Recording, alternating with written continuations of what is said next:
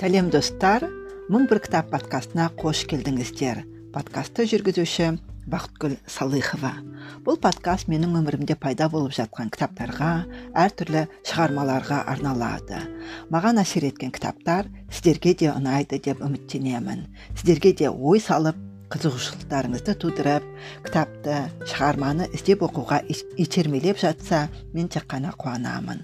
Сондықтан сіздерді кітап оқуға шақырамын. Оған қоса мың бір кітап подкастын тыңдап өз ойларыңызды айтып пікір білдіріңіздер. Бүгін біз ешқандай шығарманы талқыламаймыз. Бүгін сіздерге сократтың ақталу сөзін оқып бергім келеді. Платон сократтың ақталу сөзі. Айыптаушылардың сөзінен соң афиналықтар. Айыптаушылардың шешендігі сондай сіздерді қайдам ал мен болсам тіпті өзімді ұмытып кете жаздадым әйтсе де дәліне келсек олар ешбір шындықты айтпады.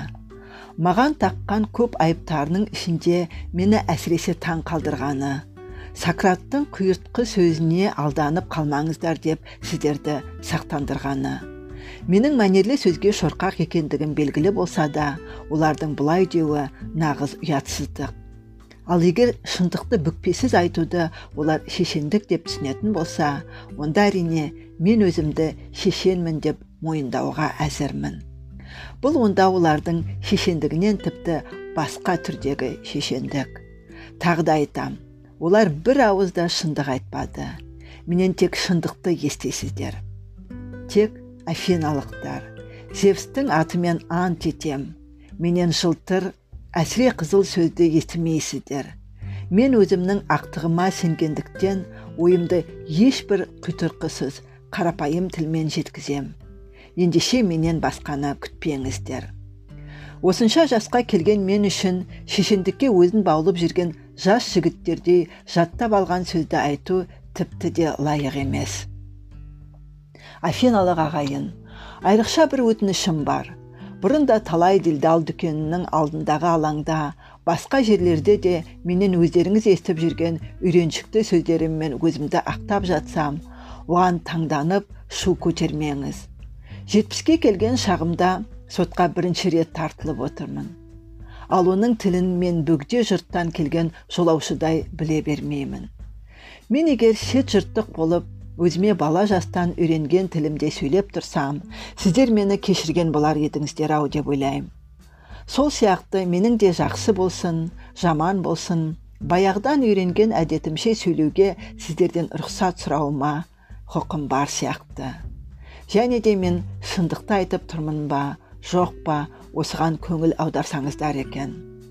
Қазының беделі сонда ғой. Ал шешеннің парызы шындықты айту. Екі түрлі айыптау. Афиналық халайық. Алдымен өзімді бұрыннан жалған айып тағып жүргендерден қорғап тек сонан кейін ғана қазіргі айыптаушыларымнан олардың өтірік жалыларынан аршып алғаным жөн. Мені сіздерге бұрыннан тіпті көптен бері айыптап жүргендер бар. Олар да ешбір шындықты айтқан жоқ. Мен анит пен оның сыбайластарынан қорықсам да олардан гөрі сол алғашқыларынан көбірек қауіптенемін. Сіздер жас көп нәрсені түсіне бермейтін албырт бала кездеріңізде ақ олар біразыңызды маған қарсы қойып жалған айыптар тағып азғырған. Сократ деген дана бар. Жердің астындағыны да үстіндегіні де сынап зерттеп өтірікті шындай қып көрсете алады дейтін. Мұндайлар маған ең қауіпті күйе жағушылар. Себебі ол қаңқу сөзге сенетіндер оның бәрін зерттейтін адам ешбір құдайды мойындамайтын адам деуі хақ. Осындай қаңқу сөз таратушылар өте көп. Оның үстіне үнемі сырттан айтады. Олардың кім екенін аты жөнін де біле алмайсың. Сондықтан өзіңді де ақтай алмайсың. Тек солардың ішінде леуде бір комедия жазатындары шығып қалмаса әрине. Қызғаныш пен зұлымдықтан немесе өсек сөзге сеніп қалып сонан соң соны басқаларға таратып жүрушілерді осында шақыра алмайсың теріске шығара алмайсың. Тең тек көлеңкелермен сайысқандай боласың.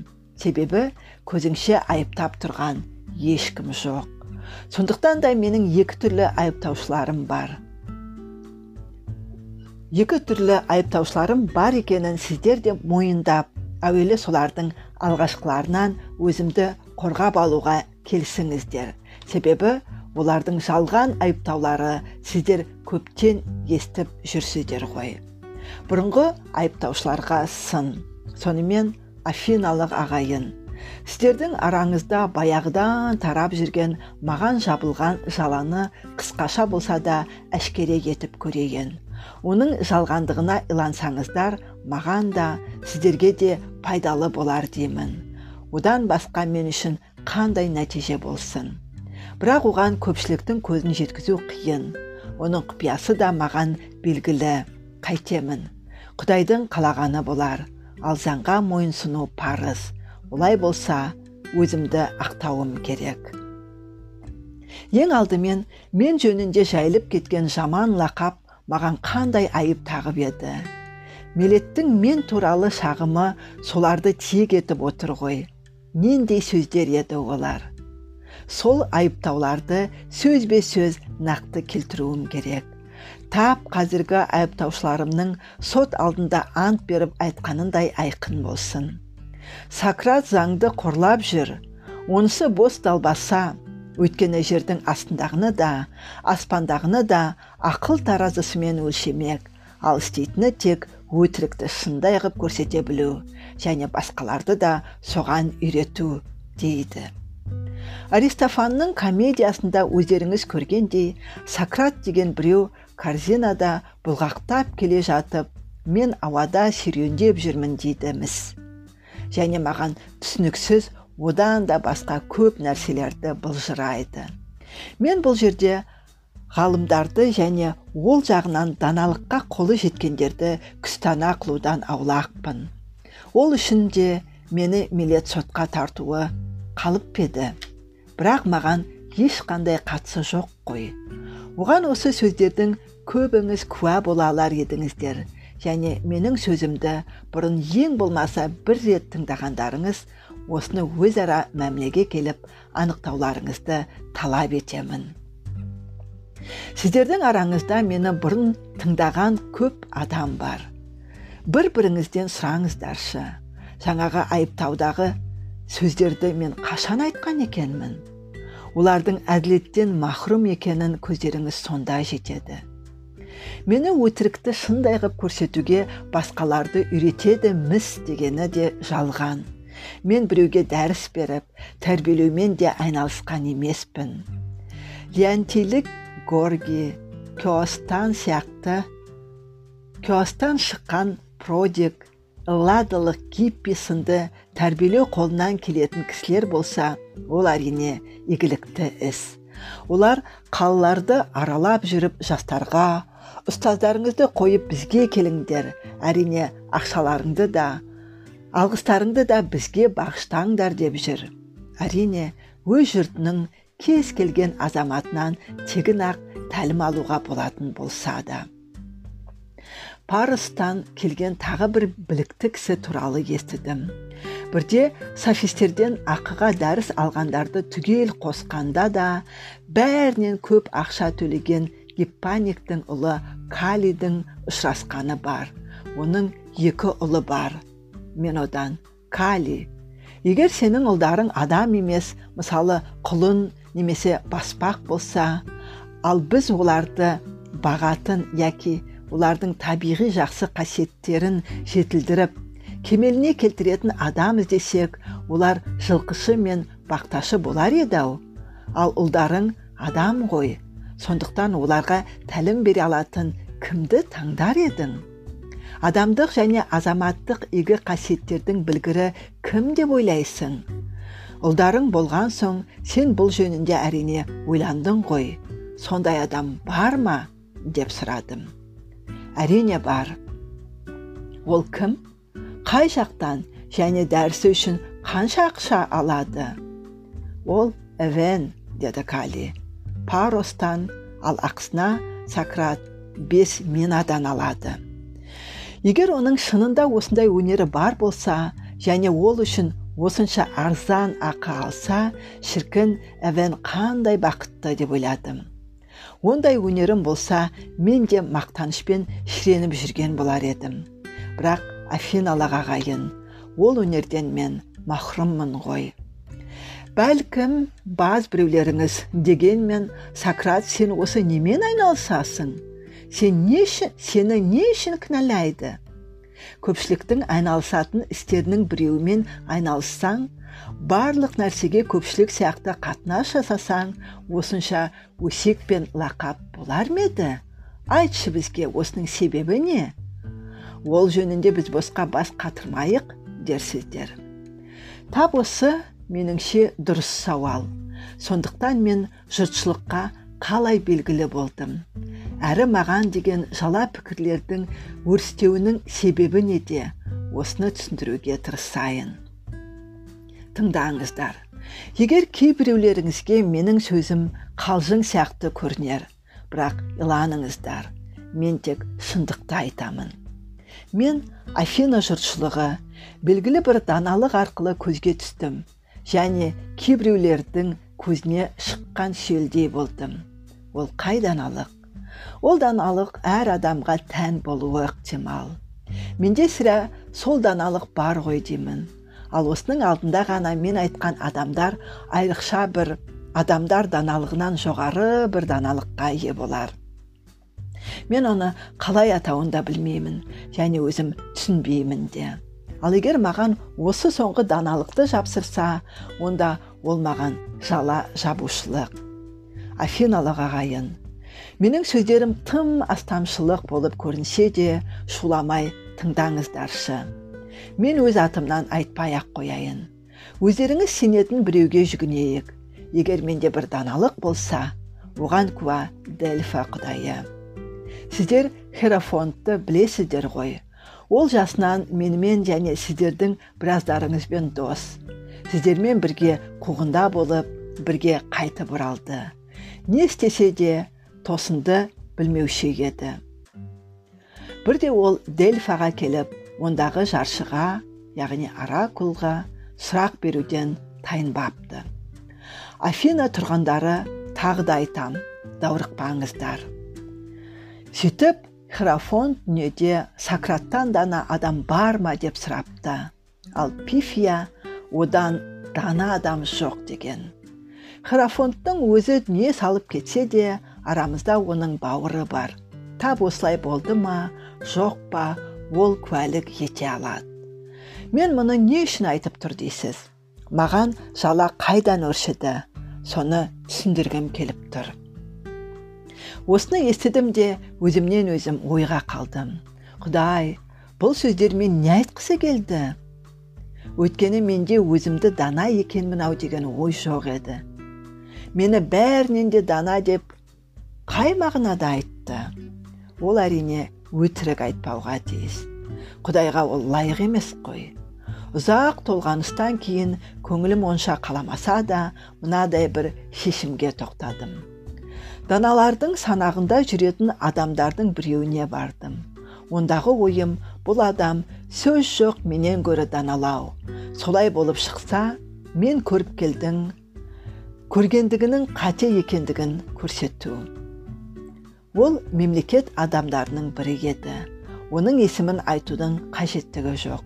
Сонымен ол кісімен әңгімелескеннен кейін афиналақ ағайын мен бұл кісі көп адамға әсіресе өзіне дана сияқты көрінгенімен шындығында тіпті де дана еместігіне көзім жетті. Содан кейін мен оның данамын деген сенімін сейілтуге тырысып көрдім. Бірақ сол үшін оның өзі де және сонда болған басқалар да маған өшігіп кетті.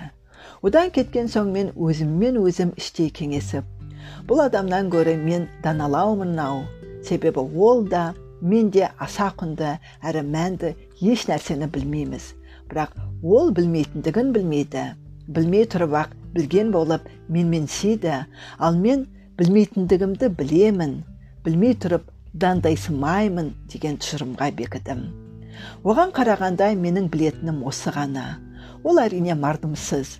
Әйтсе де белгілі бір артықшылық қой. Кейінірек алғашқыдан да гөрі даналау деп танылған тағы бір кісіге жолықтым. Онда да солай болды. Ол да және басқалар да мені жек көріп кетті. Бұдан кейін тіпті ешкімді қалдырмай ұдайы осылай етіп жүрдім. Мені жек көретіндердің көбейіп бара жатқанын да байқадым. Қынжылдым да қорықтым да. Бірақ оракулдың сөзіне илану оның тіпті орындау бәрінен де биік қой деп ойладым.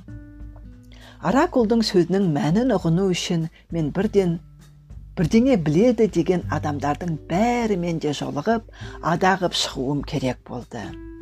Бәрін айт та бірін айт алған әсерімді айтсам афиналық ағайын өтірік болса ит болып кетейін ол мынадай. Ең дана деп жүргендеріміз тіпті ақыл естен махрұм ба деп қалдым. Ал олардан гөрі даналығы кемістеу деп жүргендер алғашқылардан дарындылау көрінеді. Бірақ осы даналарға барған ұзақ сапарымды түгелдей айтуым керек. Мемлекет қызметке, қызметтегілерден соң мен ақындарға ауыстым. Трагедияда дифирамда тағы басқа жазатындарға да. Ақындардан гөрі надандау болармын деген үмітпен. Мен олардың ең жетік деген шығармаларын алып олардан мұнда сіз не айтқыңыз келді деп сұрадым. Айтуға ұят ағайын бірақ айтпасқа болмайды олардан гөрі тіпті сонда болғандардың бәрі дерлік олардың шығармаларын өздерінен жақсырақ түсіндіретін болып шықты. Көп ұзамай ақ мен ақындардың дана болғандығынан емес басқа бір табиғи қабілетіне орай шығарма жасайтындығына көзім жетті. Олар қабілет бақсы балгерлерде көріпкелдерде болатын жын шақыру арқасы ұстау сияқты нәрсе болса керек. Шығармашылық сәтте ақындар да осындай күйде болады ау деймін. Себебі алғашқылар да жақсы нәрселерді айтады ғой. Бірақ не айтып тұрғанына есеп бере алмайды. Бірақ ақындық дарынына байланысты жырда ғана емес барлық нәрсені де білемін деп олар өзін даналардың данасындай сезінеді. Ақындардан да мен мемлекет адамдарынан сияқты болмашы болса да сол бір артықшылығым бар екен деп кеттім. Ақырында қол еңбегімен айналысатындарға бардым.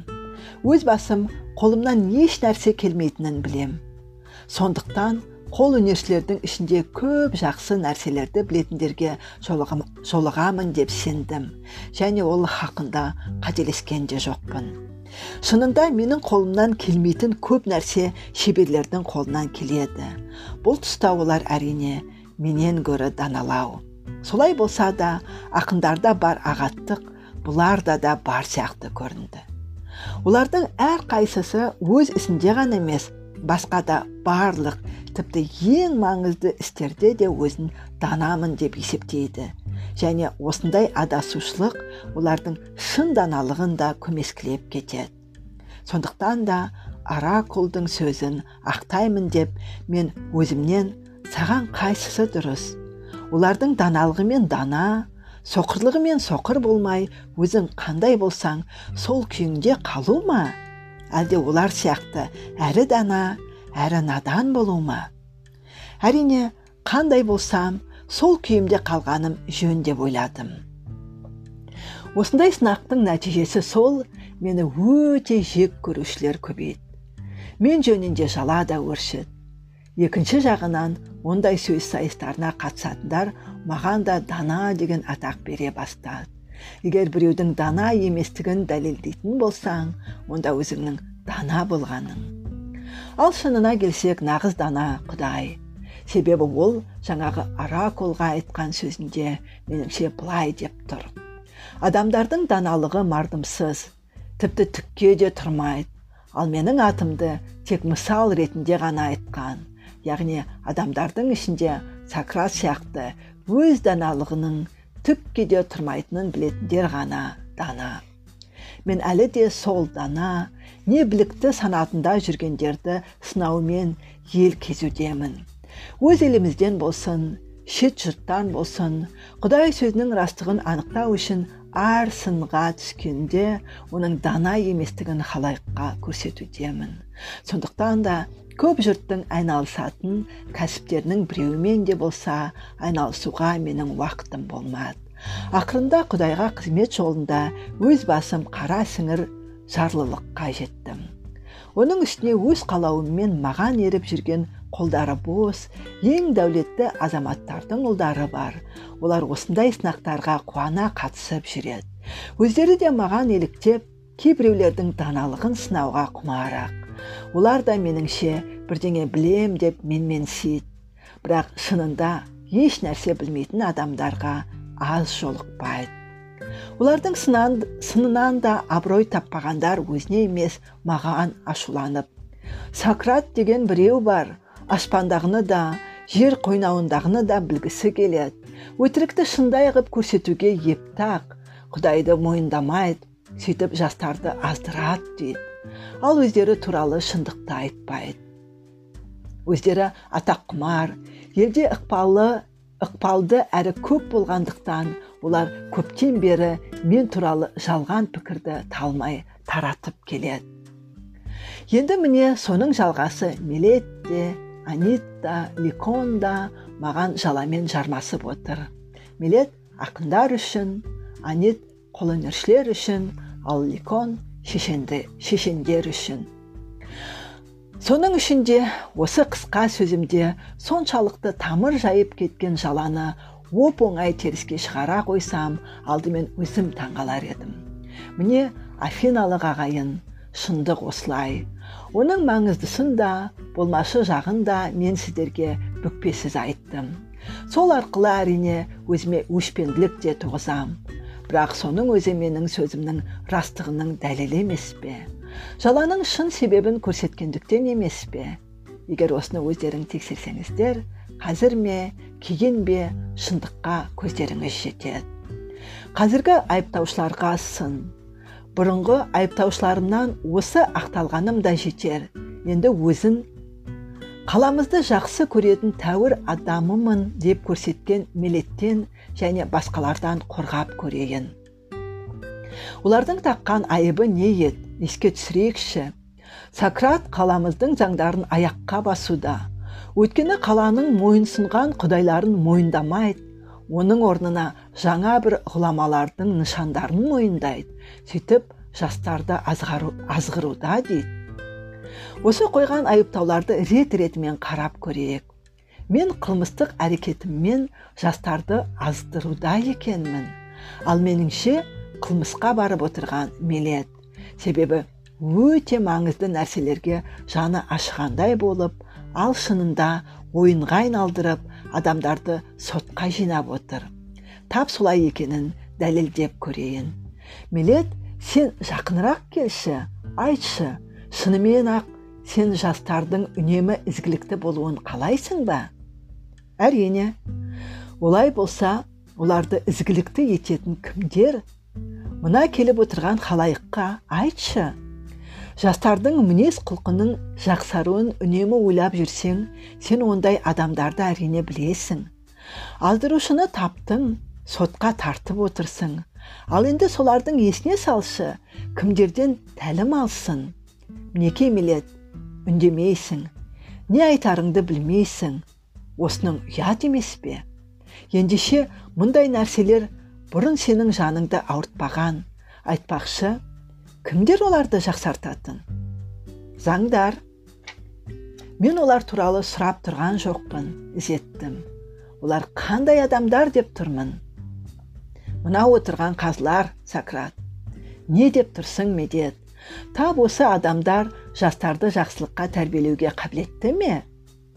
Олардан ешкім аспайды бәрі ме әлде біреулері қабілетті ал екіншілері қабілетсіз бе бәрі де гера мен анти тиген мелет аузыңа май басқаларға пайдалы адамдар қалай көп ал мынау бізді тыңдап отырғандар ше олар да жастарды жақсылыққа тәрбиелей ме олар да ал кеңестің мүшелері ше иә кеңестің мүшелері де олай болса мелет мүмкін халық жиналысына қатысушылар жастарды бұзатын болар.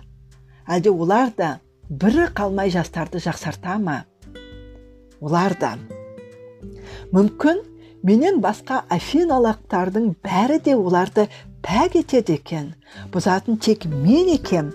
Мен осыны сен осыны айтқың кеп тұр ма? Тап осыны. Мен саған ауыр бақытсыздықты таңып тұр. Сен маған ауыр бақытсыздықты таңып тұрсың мелет бірақ айтшы сеніңше мысалы аттарды тек біреу баптап жарата ала ма? Әлде көп адам жаратып біреу ғана бұза ма? Басқа жануарлар мен де қалай болады? Біреу ғана бағып жақсарта ма? Әлде көпшілік жақсартып біреу ғана бұза ма? Әрине тәрбиелеу баптау сияқты жұрттың бәрінің қолынан келе бермейді. Оған жеке біреулер ғана қабілетті. Оны тек сен анит екеуің білесің бе? Келісесің бе? Келіспейсің бе? Ақиқат солай. Әйтпесе тек бір ақ адам бұзатын басқаның бәрі жақсартатын болса жастар үшін қандай бақыт болған болар еді? Сонымен мелет жастардың тағдыры үшін сен еш уақытта жаның ауырмағанын көрсеттің. Тағы да мынаған жауап бер мелет зевс үшін адал адамдардың арасында өмір сүрген жақсы ма? Жоқ арам адамдардың ортасында ма? Бұл қиын сұрақ емес. Арам адамдар мойын маңайындағыларға тек зиян ал адал адамдар тек жақсылық әкелмей ме? Әрине ендеше әркім маңайындағылардың өзіне зиян емес тек пайда әкелгенін тілемей ме жауап бер. Заң да сот та жауап беруді талап етеді ғой. Ешкім өзіне зиян келгенді қаламайды емес пе? Әрине қаламайды. Солай дейік. Ал сен сотқа жастарды әдейі қастық оймен бұзып жүр немесе тек білместіктен істеді деп тартып отырсың ба? Әдейі бұл қалай мелет сен жас та болсаң бәрін білесің. Жаманшылықты да жақсылықтың да өзіне ең жақын жүргенге зиян не пайда жасайтынын түсінесің. Ал мен тіпті осыны да білмейді екем. Егер мен біреуді оңбаған етсем алдымен одан өзіме жамандық келетінін білуім керек қой. Ал мен оны тағы әдейі біле тұрып істейді екем. Сонда мен алдымен өзіме қас болғаным ба? Сенің бұл сөзіңе сенбеймін. Ешкім де сенбейді. Екінің бірі иә мен ешкімді де алдырмаймын егер алдырсам тек білмегендіктен ал егер білмегендіктен істесем онда ол үшін сотқа тарту емес. Қайта ісімнің теріс екеніне көзімді жеткізіп түсіндіру қажет. Сен болсаң маған түсіндіруге әрекет жасаған жоқсың. Қайта бірден жазалауға сотқа шағым жасап отырсың.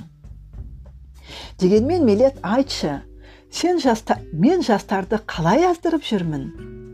Берген шағымдарыңа қарағанда мен оларды қаланың сыйынатын құдайларын мойындамауға оның есесіне басқа жаңа бір құдайларды мойындауға үйретеді екенмін. Солай ғой? Тап солай. Тап сол құдайлар үшін және осы бізді тыңдап отырғандар үшін анығын айтшы мелет сенің не айтқың келгенін толық түсіне алмай тұрмын. Мені шаһарымыздың сыйынатын құдайларын мойындамай басқа құдайларды мойындайды соған жастарды үйретеді деп айыптайсың ба? Онда мені мүлде құдайдан безген деуге болмайды өйткені белгілі бір құдайды мойындайтын болғаным ғой. Әлде сен мені алаңсыз ешбір құдайды мойындамайтын құдайдан безген дегің келіп тұр ма? Тап осылай. Сені ешбір құдайды мойындамайды дегім келіп тұр. Ғажап жансың мелет қалай былай дей аласың? Сонда басқа адамдар сияқты мен күнді де айды да құдай деп танымаймын ғой. Шынында солай қазылар себебі ол күнді тас айды жер деп уағыздайды. Досым мелет сен мен емес анаксагорды айтып тұрсың. Анаксагорды айыптап тұрсың.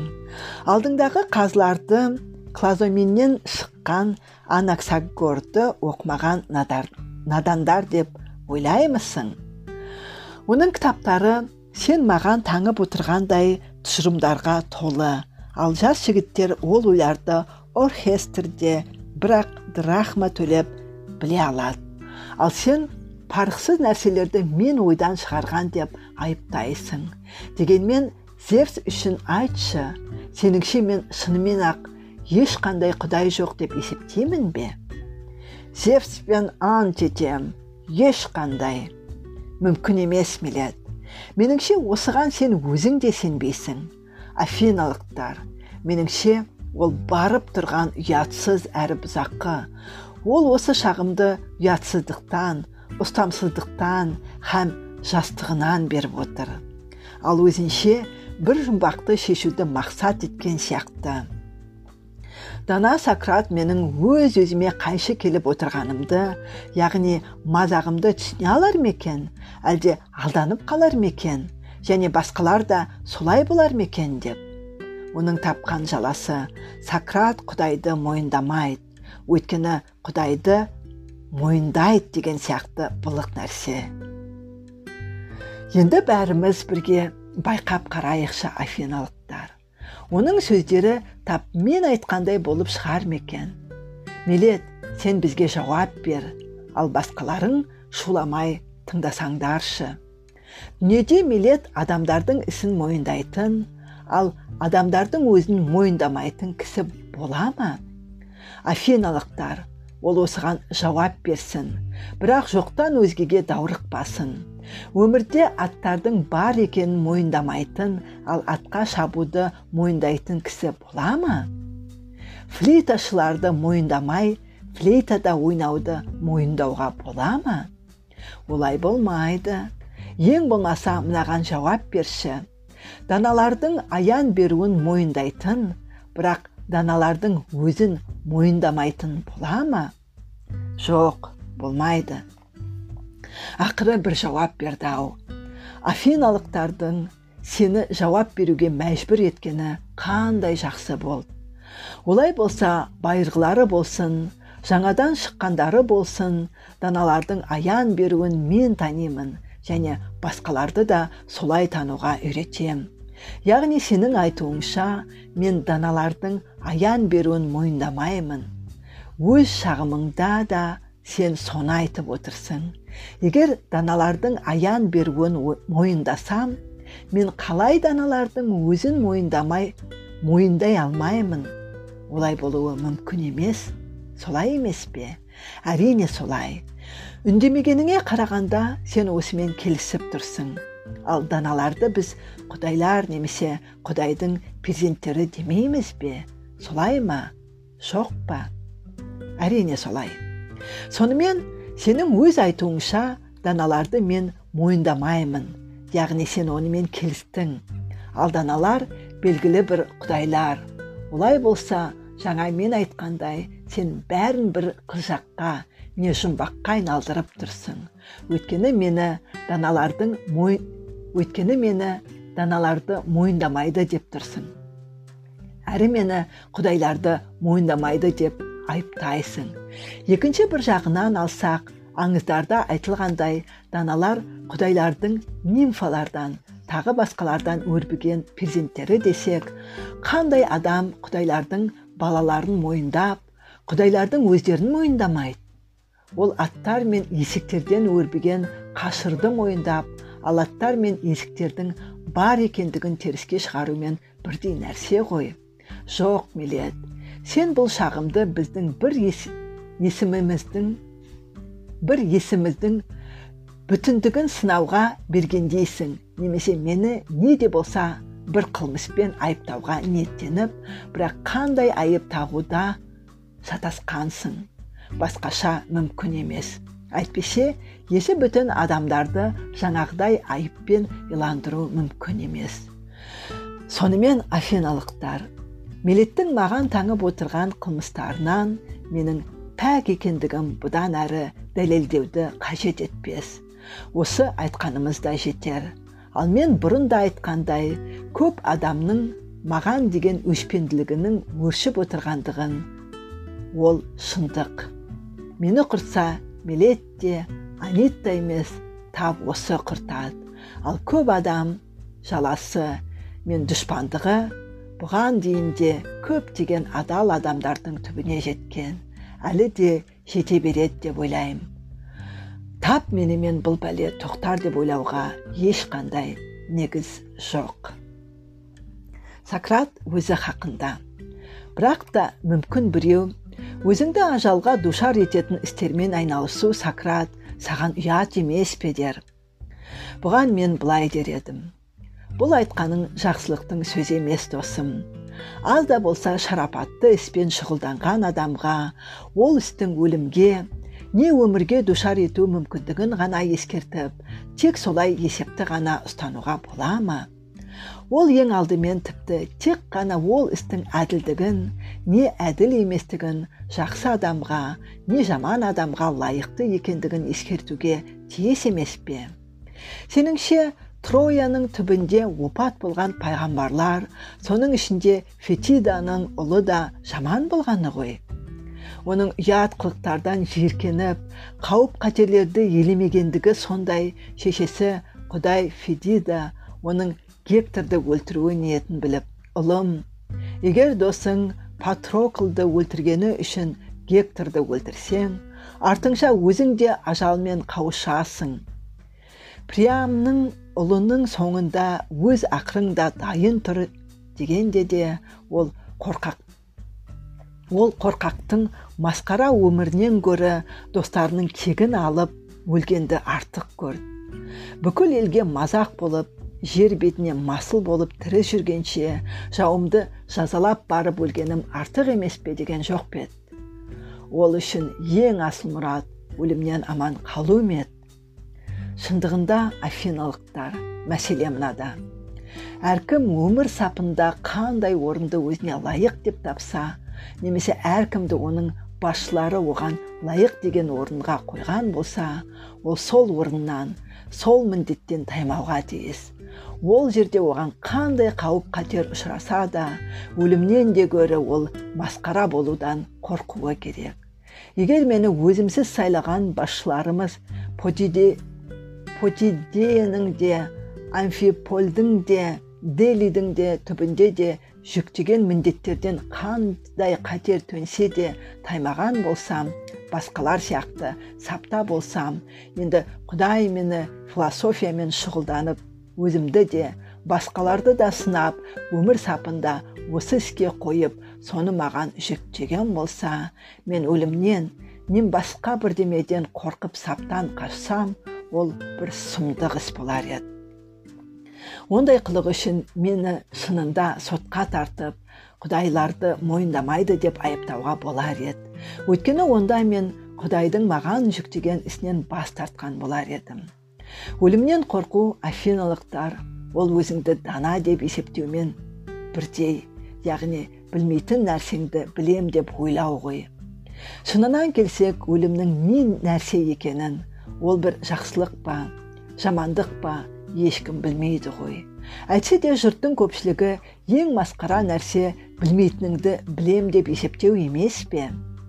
Афина жұртшылығы менің басқалардан өзгешелігім болса кейбіреулерге басқалардан ақылдырақ көрінсем ол менің білмейтін нәрсемді мысалы айытты жақсы білмей тұрып сол білмейтіндігімді бүкпесіз мойындауымда.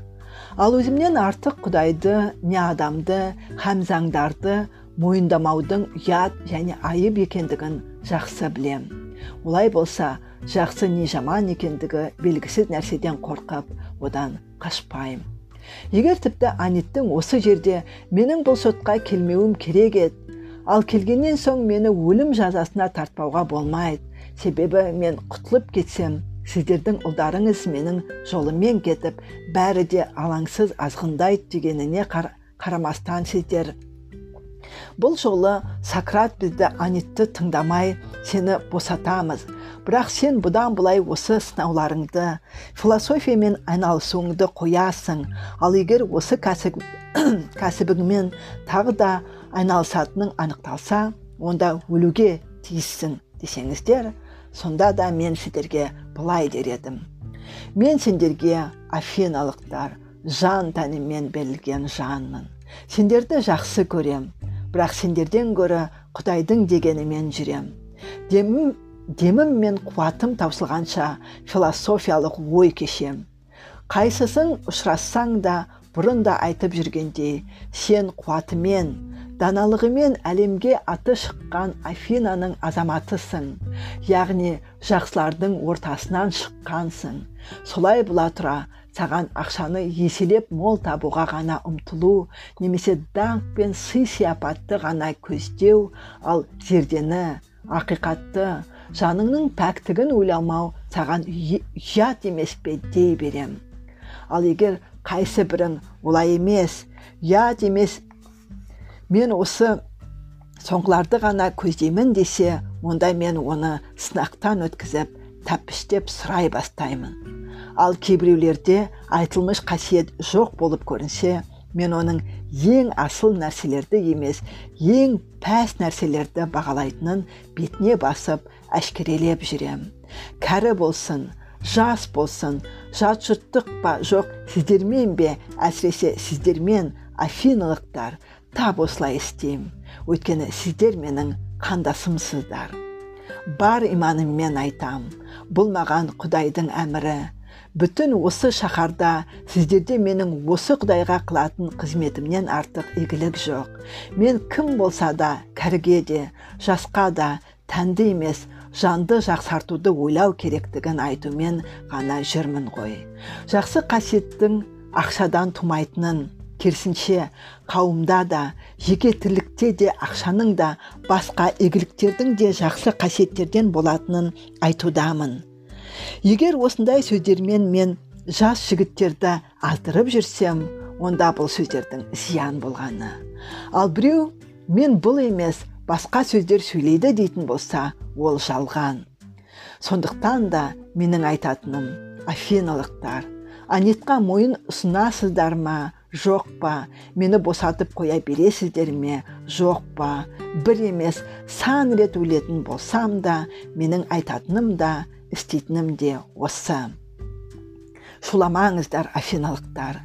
Мен өтініп айтсам да шыдап тыңдамасаңыздаршы. Шуламаңыз шуламаңыздар афиналықтар. Мен өтінемін. Айтсам да шыдап тыңдаңыздаршы. Меніңше менің сөздерім сіздерге тек пайдалы. Мен сіздерге тағы бірдеңе айтпақшымын. Оған сендер тіпті айқай көтерулерің мүмкін. Бірақ не болса да солай ет, олай етпеңіздер. Сеніңіздер егер сіздер мені тап осы қалпымда тек осындай адам болғаным үшін өлімге қисаңыздар онда тек өздеріңізге зиян жасайсыздар. Маған емес маған милеттен де аниттан да ешбір зиян келмейді. Себебі менің ойымша жаман жақсыға зиян жасай алмайды. Әрине ол өлтіре алады қуып жібере алады жамандай алады. Ол ол ма басқа ма кім де болса мұны ең жаман нәрсе деп түсінетін болар. Бірақ мен олай деп ойламаймын. Одан гөрі жаман нәрсе әділетті аттап кінәсізді өлімге үкім еткізу. Сондықтан да афиналықтар. Мен қазір өзімді өзім үшін емес. Ол тек солай көрінер. Сіздер мені өлімге кесіп құдайдың өздеріңізге берген сыйынан айырылып қалмауларыңыз үшін сіздер үшін қорғанудамын. Егер мені өлімге кессеңіздер мен де адамды табу сіздерге ондай болмайды. Күлкілі болса да айтайын мені осы шаһарға құдай қойған ғой. Дөрекілеу айтсақ кәдімгі жақсы бірақ семіріңкіреп еріншек тартқан атты бір бөгелек шығып тыныштық бермегені сияқты. Тап осылай болсын деп осы шаһарға құдай жіберген. Күні бойы кезіп жүріп кез келгенді оятып өтініп иландырып дегендей. Басқа бір осындай адамды афиналықтар сіздерге табу оңай емес. Егер маған сенсеңіздер мені сақтай аласыздар. Бірақ анитқа құлақ ассаңыздар шырт ұйқыдан кенет оятылған адамдай ашу үстінде мені беймаза сонаны соғып жібергендей өлтіре салуларыңыз да ықтимал өйтсеңіздер қалған өмірлеріңіздің бәрін ұйқыда өткізесіздер. Әрине егер құдай сіздердің қамыңызды ойлап тағы біреуді жібермесе құдайдың мені осы үшін біздің шаһарға қойғандығы манадан ақ көрініп тұрған жоқ па? Кім өзінің бар шаруасын тастап жоқшылыққа ұшырап барлық уақытын басқалардың ісіне арнап жүр. Әрқайсысына тап бір әкесіндей не ағасындай өсиет айтып жақсылыққа бағыштап жүр. Одан мен бір пайда тауып сол үшін ақы алып не сұрап жүрсем екен. Менің айыптаушыларым арсыздықпен қанша қараласа да өсиет үшін ақы алады дей алған жоқ. Куәлік те келтіре алмады. Оның менде болмағандығына мен айғақ айқын айғақ келтіре аламын. Ол менің кедейлігім. Бұл жағдайда түсінбестік бір нәрсе болуы мүмкін. Мен неге өз кеңестерімді өсиетімді жеке адамдарға ғана айтамын?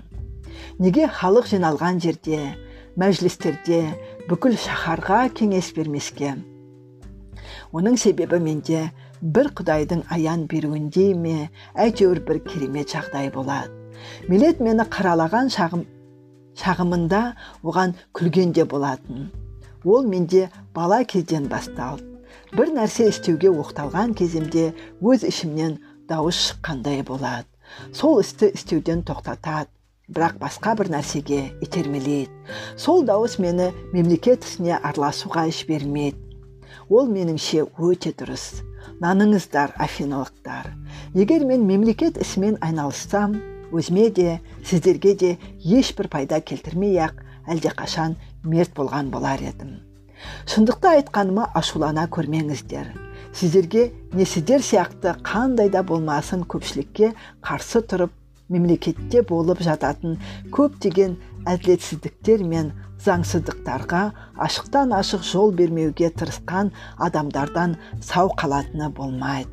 Жоқ шынында кім әділеттілік үшін атой салса аз уақытта болса аман жүру үшін ол ресми істерден аулақ жеке іспен айналысуы керек.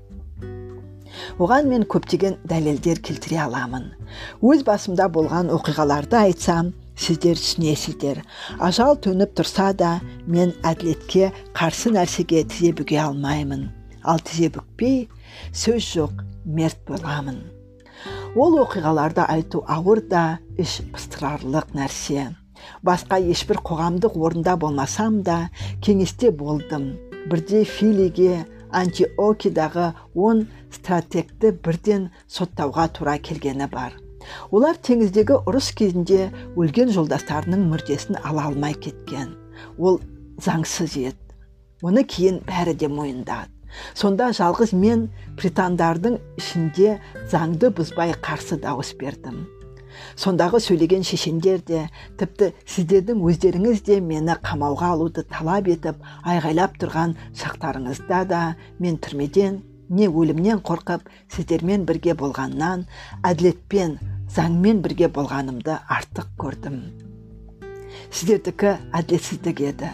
Ол кезде қаланы халық билеуші еді ал олигархия келген кезде де отыз тиран мені және төрт кісіні таламендік леонтты жазалау үшін алып келуге толға жіберген.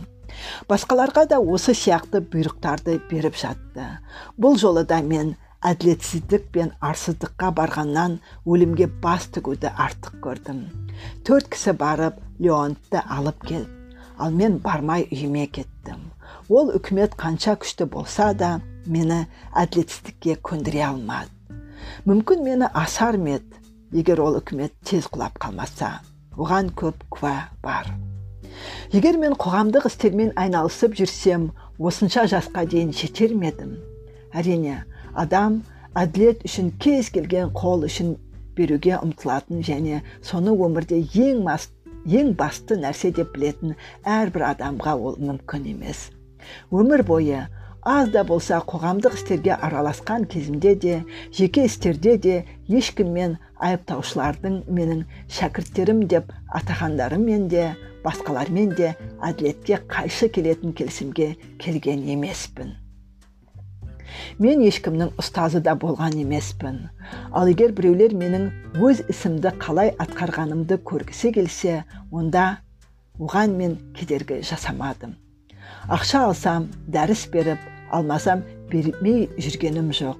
Жұрттың бәріне байы ма кедейі ме бірдей маған сауал беруіне болатын. Ал егер кім қаласа өзі де жауап беріп немесе мені тыңдауына болатын. Ал егер соның нәтижесінде біреулер адалдау не арамдау болып шықса оған мен әділетке жүгінсек жауап бере алмаймын. Өйткені ешкімді бірдемеге үйретуді мойныма алған емеспін. Үйреткенім де жоқ. Егер біреу жеке жағдайда ақы беріп бір нәрсені үйрендім дейтін болса ол жалған. Бірақ кейбіреулер менімен ұзақ уақыт болуға неге құштар? Бұдан бұрын да айттым афиналықтар оларға білмейтін бірақ өзін білгірмін деп есептейтіндерді менің қандай әшкерелейтінім ұнайды. Бұл әрине қызық. Олай етуді қайталаймын маған құдай жаршылары арқылы да түсімде аян беруде де тағы басқа жолдармен де тапсырған маңдайыма жазылған нәрсе. Егер мен бір жас жігітті аздырып жүрсем ол басқаларын әлде қашан азғындатқан болсам жасында менен зиян шеккендердің кейбіреулері қазір маған келіп айыптауын айтпас па олардың өзі болмаса әкелері туыстары айтпас па олардың біразы қазір осында да отыр көріп тұрмын. Біріншіден мынау критон менің құрдасым. Бір демнанбыз мынау отырған критобулдың әкесі свитилік лисани. Мынау исхиннің әкесі. Эпигеннің әкесі кефесилік антифон ал анау ағалары менімен көп уақыт өткізген феозотиттің ұлы никострат феодоттың інісі. Феодоттың өзі дүние салған. Сондықтан ол інісін азғыра алмайды. Демодоктың ұлы парал феактың бауыры. Мынау аристонның ұлы адиман мынау платон оның бауыры. Және антадор мынау аполлодордың бауыры мен тағы да көп адамды атауыма болады. Милет өз сөзінде осылардың біреуін куәлікке тарта алар ма егер осыған дейін мұны ұмытқан болса қазір сөйтуіне болады. Мен қарсы болмаймын айтсын егер айтатын болса. Афиналықтар олардың мелетті емес керісінше мені азғындатушыны ақтауға дайын екеніне көздеріңіз жетеді. Менен азғындағандар мені жақтауға мүдделі екені екен дейік. Ал олардың әке шешелері туыстары мен мені ақтайды деуге қандай негіз бар? Егер әрине мен шынымен оларды теріс жолға салсам жарайды. Бұл жөнінде енді жетер афиналықтар. Өзімді ақтау үшін айтатынымды айтып болдым ғой деймін. Бәлкім баз біреулер кезінде болмашақ айыптаумен сот алдында жауап беріп жалынып жалпайып соттың да жұрттың да аяныш сезімін тудыру үшін балаларын туыстарын алып келіп жазадан құтылғандар менің қазір ондай мінез көрсетпегеніме жындары келуі де мүмкін. Сол үшін маған қарсы дауыс бергісі келер. Мен олай деп ойлағым келмейді. Бірақ дегенмен ондайлар болса мені түсінсін.